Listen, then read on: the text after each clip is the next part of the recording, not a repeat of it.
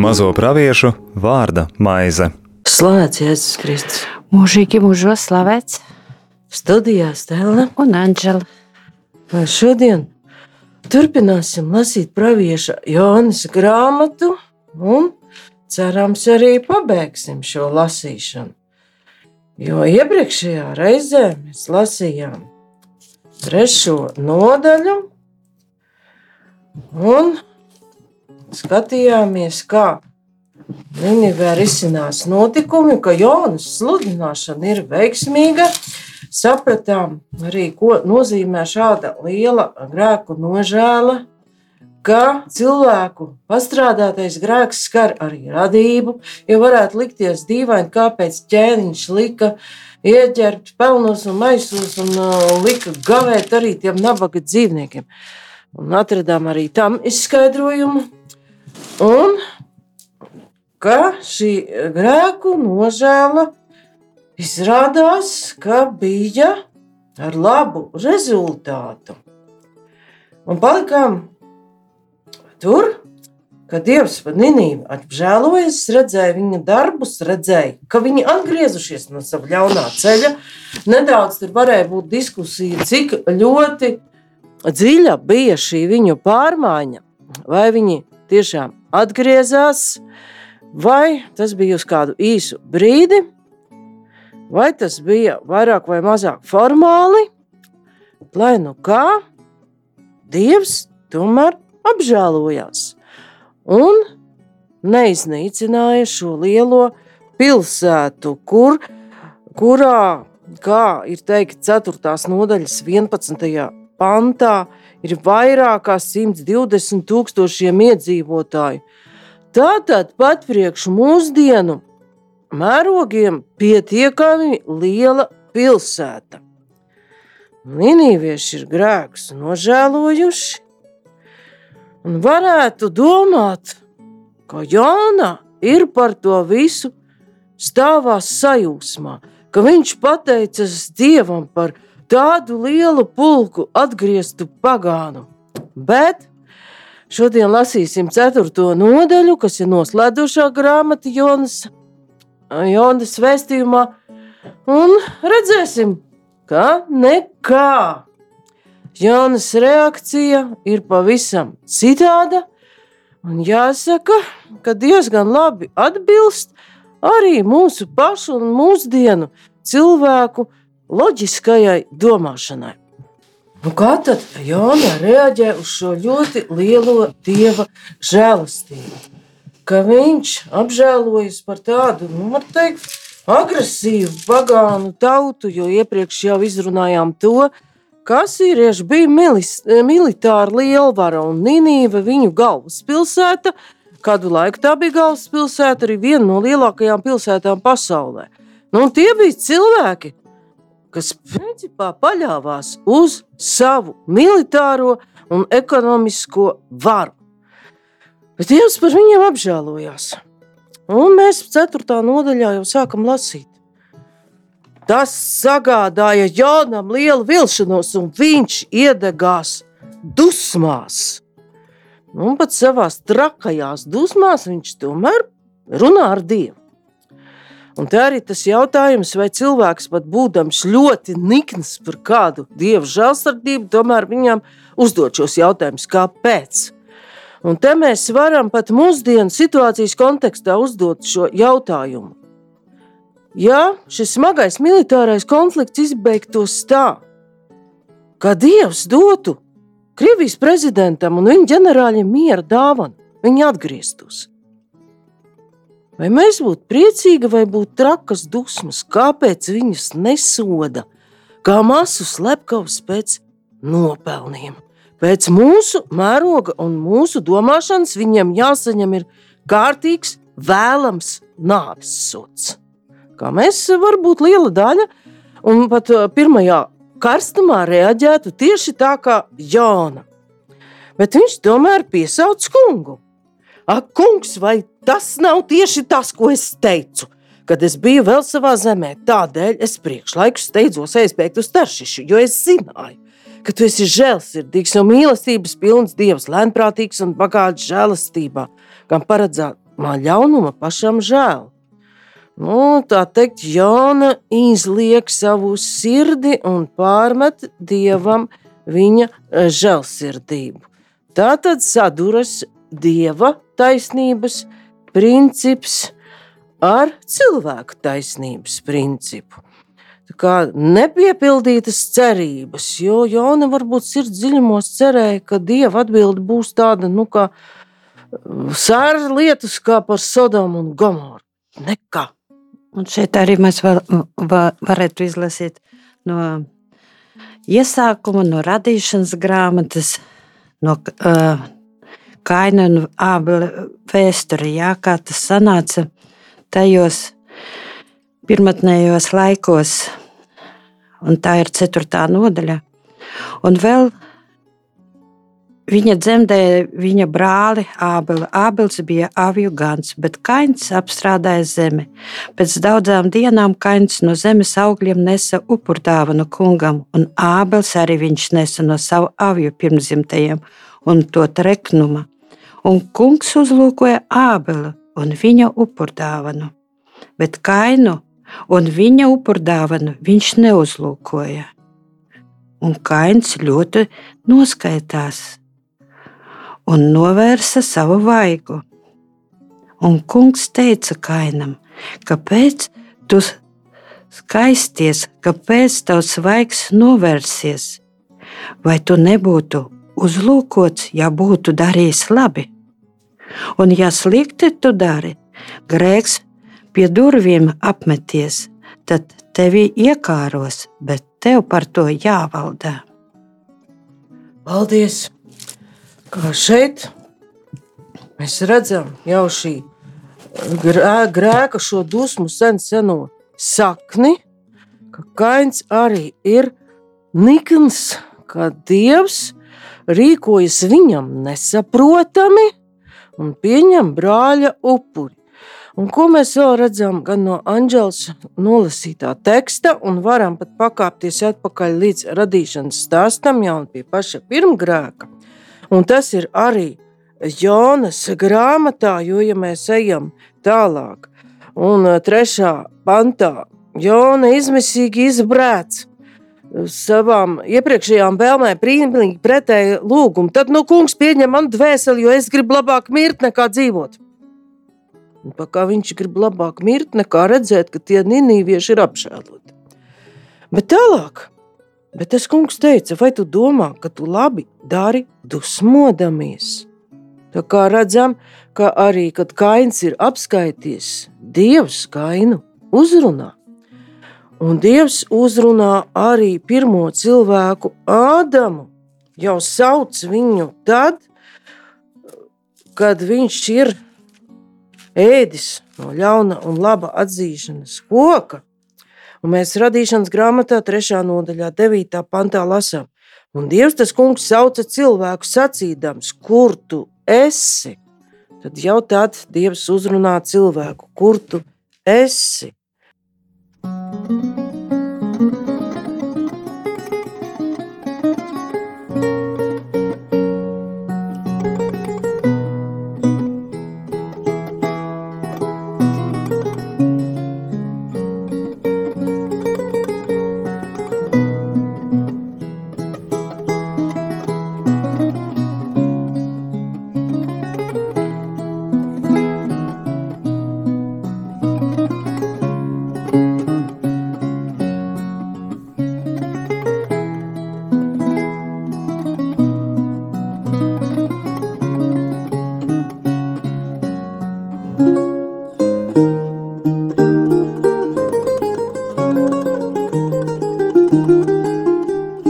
Studijā Stela un Anģela. Stāstā par Kainu un Ābelu, ko mēs nu pat dzirdējām, Dievs tieši uh, saka Kainam, kāpēc tu esi apskaitījis, kāpēc tev svaigs raugās nikni? Vai nav tā, ja tu esi labs, tu savu galvu vari pacelt, bet ja tu dari ļaunu, tad grēks ir tavu durvju priekšā un tīko pēc tevis, bet tev būs valdīt par viņu.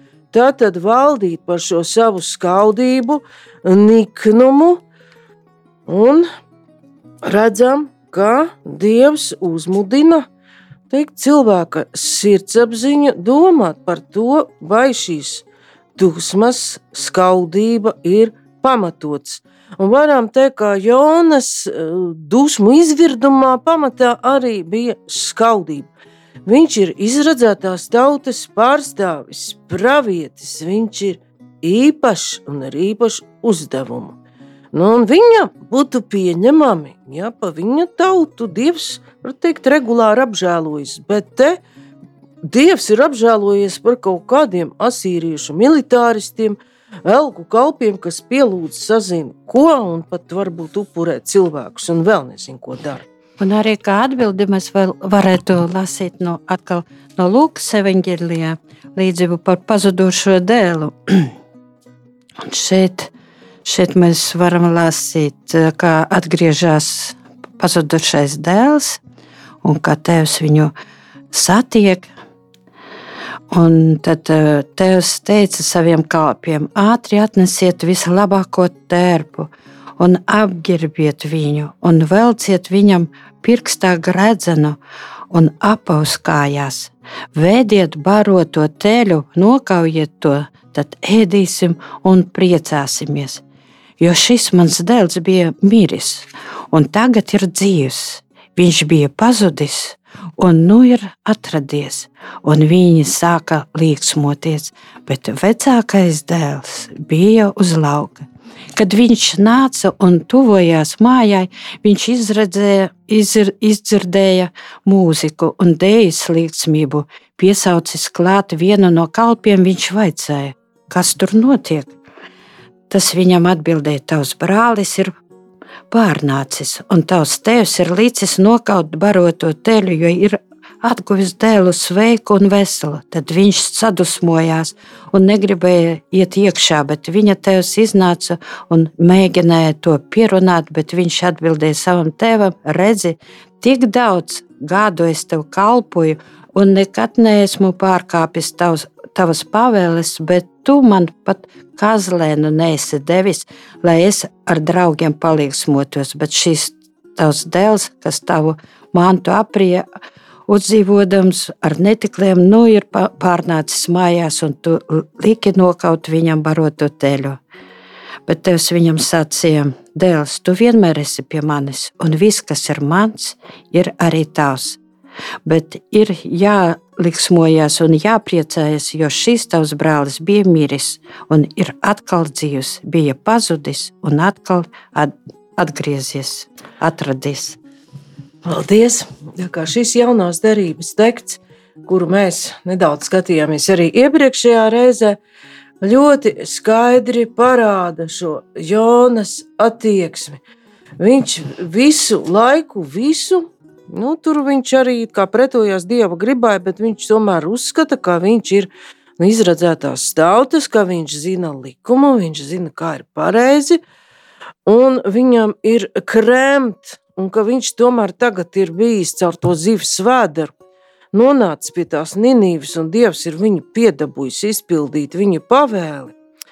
Tā kā nezinām, cik viņš tur labprātīgi, nelabprātīgi gāja un sludināja, bet pēkšņi tādiem, nu, nekādiem, var teikt, šis ir tas jaunākais dēls, kas šo tēvu mantojumu ir izšķērdējis visā tai savā varas mašinērijā un varenībā.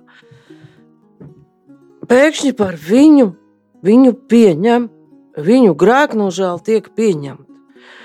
Un tur mēs varam saprast to, ka tas ir tādas reliģiski pareiza cilvēka niknums par to, ka Dievs pieņem un apžēlojas par tādiem cilvēkiem, kas pēc pareiziem priekšstatiem īsti neiederējās ne tā laika, vecās derības reliģiskajos priekšstatos, mūsdienās varbūt arī nesavietojam ar tiem priekšstatiem, kādi mums ir, kādam jābūt ir pareizam kristietim vai pat pareizam katolim. Un ir grūti saprast, kā Dievs var uzrunāt tādus cilvēkus, kuriem liekas, nu, tas ir bezcerīgs gadījums. Jo mums nereti patīk noteikt jau to galējo diagnozi. Gan par tādiem, kas varbūt ir noziegušies, sēž cietumā vai kas ir kādās atkarībās, un cilvēku verdikts ļoti bieži ir: tur nekā nevar darīt.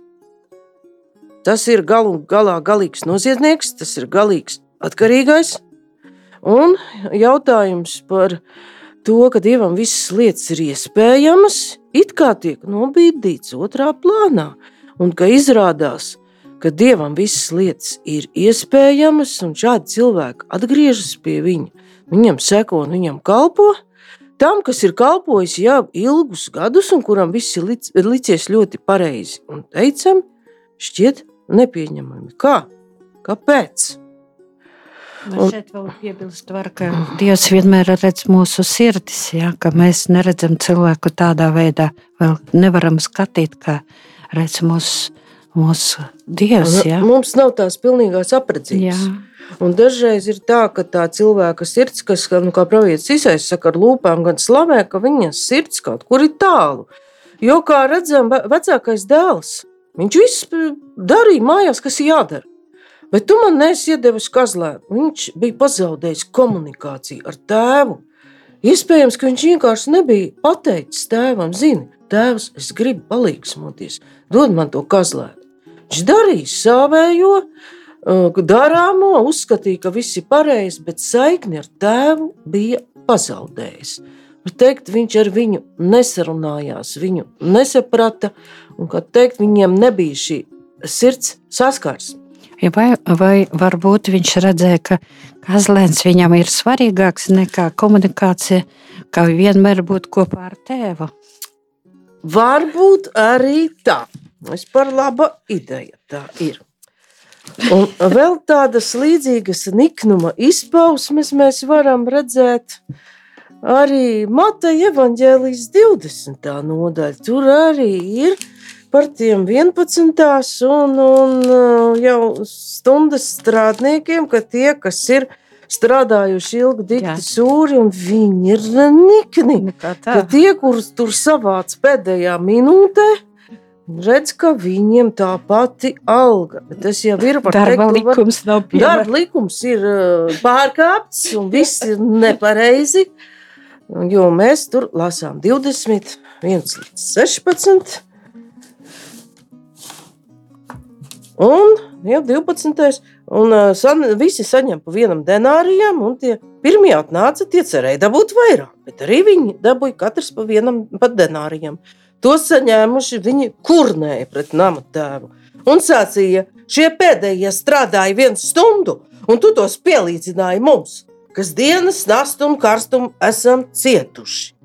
Un tālāk jau nama kungs atbild, kad um, arī gan pirmie, gan pēdējie salīgti. Tātad uh, darba likums nav vispār kāpts, pat laicīgā nozīmē nav, jo viņi bija salīgti par vienu un to pašu summu, tātad piekrituši šim līgumam. Un šīs teksts arī runā par tādiem cilvēkiem, kas atgriežas pie Dieva pat pašā pēdējā minūtē. Un tur ir tas diezgan pazīstamais stāsts, pat uh, dažkārt ir jautājums, kas notiek ar pašnāvniekiem, ka kāda bēdu no, noraizējusies māte ir atnākusi pie svētā Arsas prāvesta vienēja un jautājuši, kas būs ar viņas dēlu pašnāvnieku. Viņš noliec no tilta upē. Vienais ir paprasījis, cik metru bija no tilta līdz ūdenim. Tātad ar tik īsu, pat nožēlas brīdi ir pietiekami, lai Dievs apžēlotos un cilvēku pieņemtu pie sevis. Un tas ir Dieva žēlsirdības mērs, bet vai mēs vienmēr tādu spējam sagramot? Arī šeit mēs var, varētu izlasīt no īņķa grāmatas. Jā, ka, uh, Ieps sarunājās ar savu sievu, ka viņa viņam piedāvā nolādēt dievu pa visām tām ciešanām, ciešanām, kuras uh, piemeklēja viņu. Bet kā Ieps atbild savai sievai? Sieva viņam sacīja, vēl tu turies pie sava krietnuma, nolādi dievu un mirsti. Bet viņš tai sacīja, Kā neiegas runā, tā arī tu runā. Ak, labu gan no dieva ņemsim, bet ļaunu to nē. Un visā, kā notika, kas notika, Ieps neapgrēkojās savām, ar savām lūpām.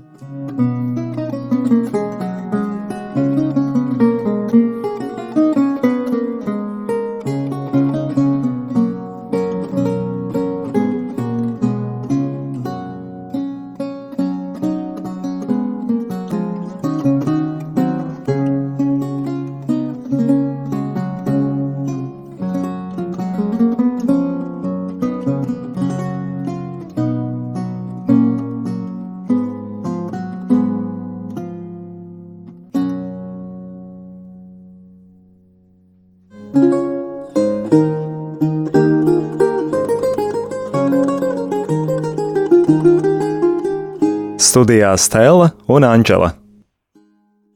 Ieps paļāvās uz Dievu, pat nezinot, kas būs tālāk. Un, ja mēs lasītu iepu grāmatu līdz beigām, mēs redzētu, ka viņš ar to vinēja. Viņš atguva to, ko bija zaudējis, un vēl daudz, daudz vairāk.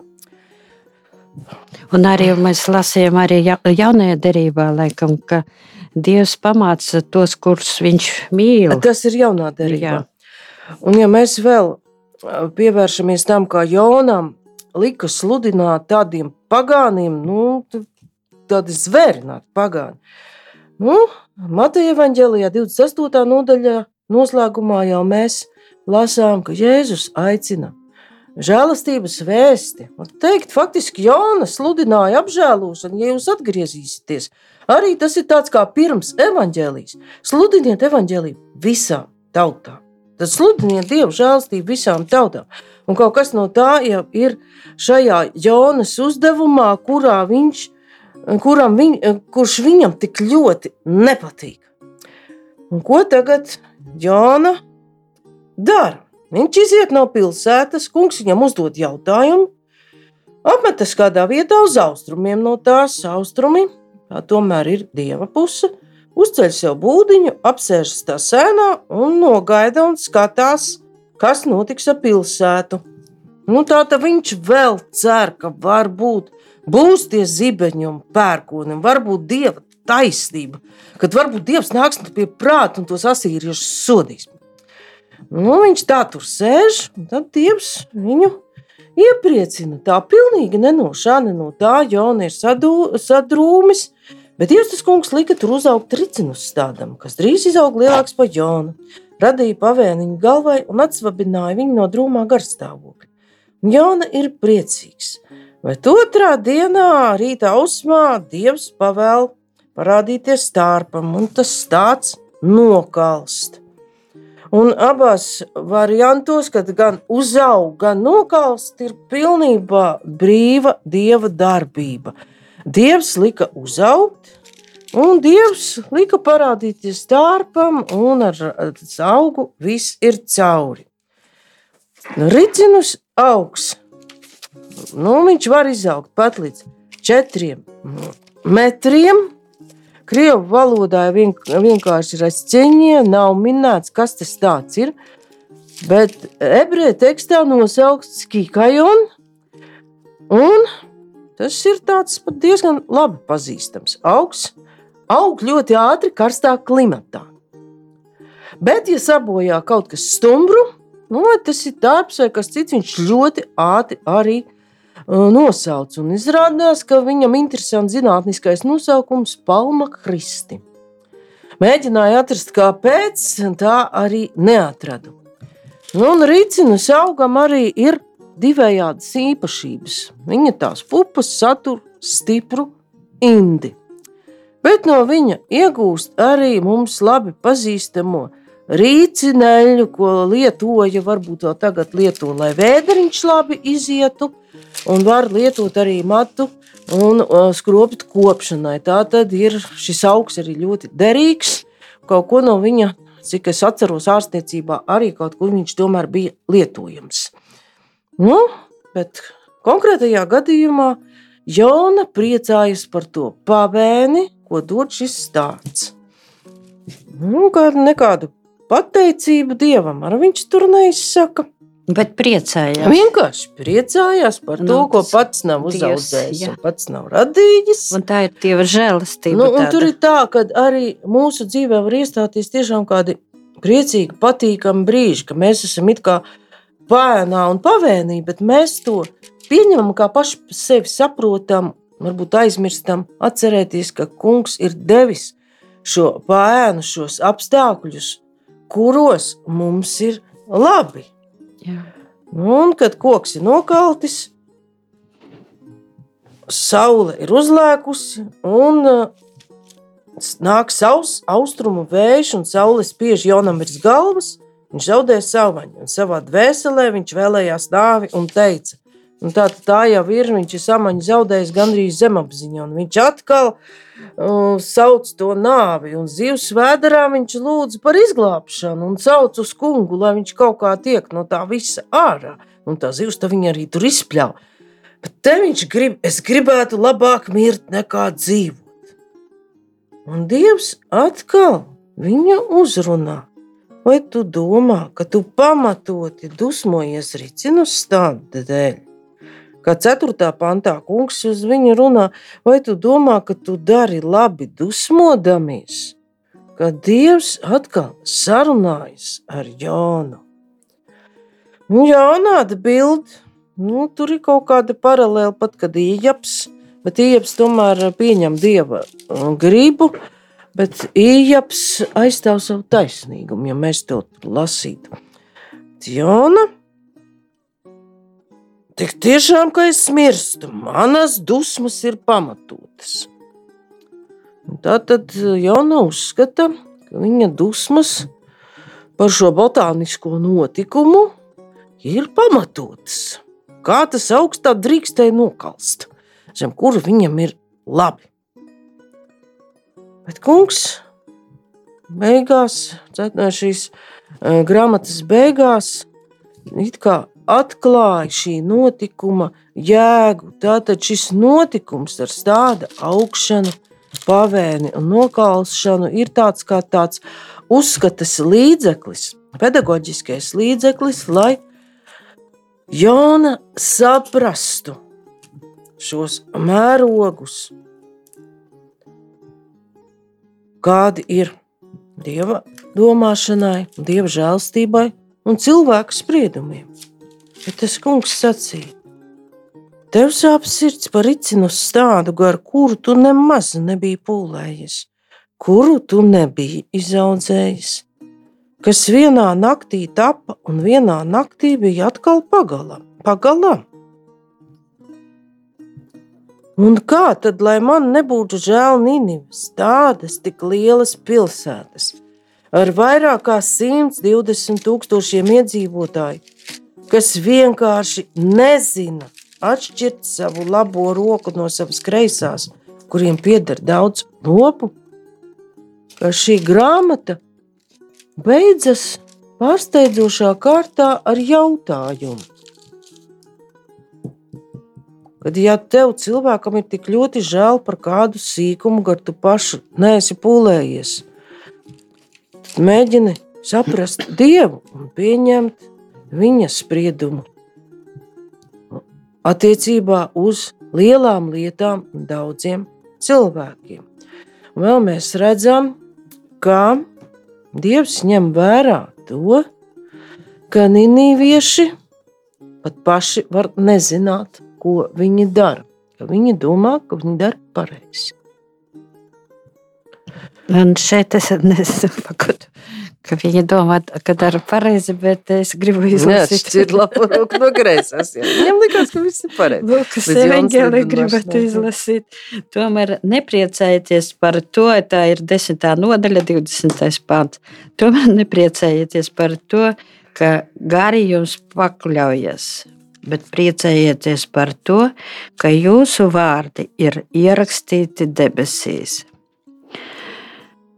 Nu jā, un tad, kad Jonas sludināja, viņš arī tā vēlējās, lai būtu apstiprināti viņa vārdi, ja, ka viss aizies, visa pilsēta bojā. Viņš vēlējās, lai vārdi būtu apstiprināti tajā veidā, Jā, kādu viņš uzskata par pareizi. jā kā viņš Pilsētā sludina. Kā viņš sludina? Jā. Pēc 40 dienām Jā. viss ir. Un tas, lai būtu apstiprinājis Dievs ar to savu to darbību, bet mums ir jāpakļaujas Dieva gribai. Jā, un tā ir Dieva, ka Dievs bija žēlsirdīgs kā pašam Jonam, ka viņš atradās uh, zivsvēdarā, jā, Uh, un kad viņš pats viņu atbrīvoja no turienes, ka tad, kad viņš atkal uh, parāda viņam līdzību ar to uh, koku, kurš izauga un kurš viņu paglāba no karstuma. Ja, un ka viņš, eh, tas, tā ir eh, viņa žēlsirdība, ka viņš arī pasargā visu pilsētu. Viņš dod to iespēju visiem atgriezties. Un eh, īpaši to, ka te rakstīts, tur bija arī mazie bērni, kuri nu, tādā vecumā nesaprot, kas ir labā, kur ir labā un kreisā puse. Tā varētu būt, ka tie ir Varētu bērni. Būt, jā, ka tie ir gan bērni, gan arī vienkārši cilvēki, kas īpaši neiedziļinājās tas, tajās pavēles, kas Jā. nāk no augšas, vienkārši ir izpildītāji. Jā. Varbūt Jonam pat bija liela vilšanās un dusmas, ka ir šī masveida atgriešanās. Bet viņa saprašanai, saprašanas kaut kam tādam nevajadzēja notikt. Jā, Un viņi tiešām sadzird Dieva balsi, ņem un atgriežas. Nu, kā teikt, šī grāmata atstāja jautājumu atvērtu. Jo un tā- arī laikam ieskatīties mums pašiem eh, savā sirdī. Viņa tiešām atstāja šo jautājumu mums katram un tieši Jā. šajā laikā. Jo nav tālāk teikts, ko Jona dara, nekas par to nav teikts. Dievs uzdod šo jautājumu arī mums katram. Kā mēs spētu pieņemt Dieva žēlsirdību arī šodien attiecībā uz tiem, kas ir jau pastrādājuši ārprātīgi daudz varas darbu. Vai arī mums ļoti prasītos pēc tādas ļoti bargas cilvēku taisnības? Šis jautājums paliek pēc šīs grāmatas izlasīšanas mums katram. Un arī kaut kur bija arī jaunajā derībā, esiet žēlsirdīgi, kā es esmu žēlsirdīgs, saka Dievs kungs. Vai pat tas nebija vecajā dēļā? Varbūt. Bet man liekas, tas bija pat vecajā. Es, es esmu žēlsirdīgs, un tas atkārtojas arī jaunajā derībā. Derībā. Un kā pamat jautājums pēc jaunas grāmatas izlasīšanas paliek, un pat pēc jaunās derības paliek, vai mēs spējam pieņemt žēlsirdīgu Dievu. Paldies par uzmanību! Studijā bija Stela. Un Anģela. Izskanēja raidījums Mazo praviešu vārda maize.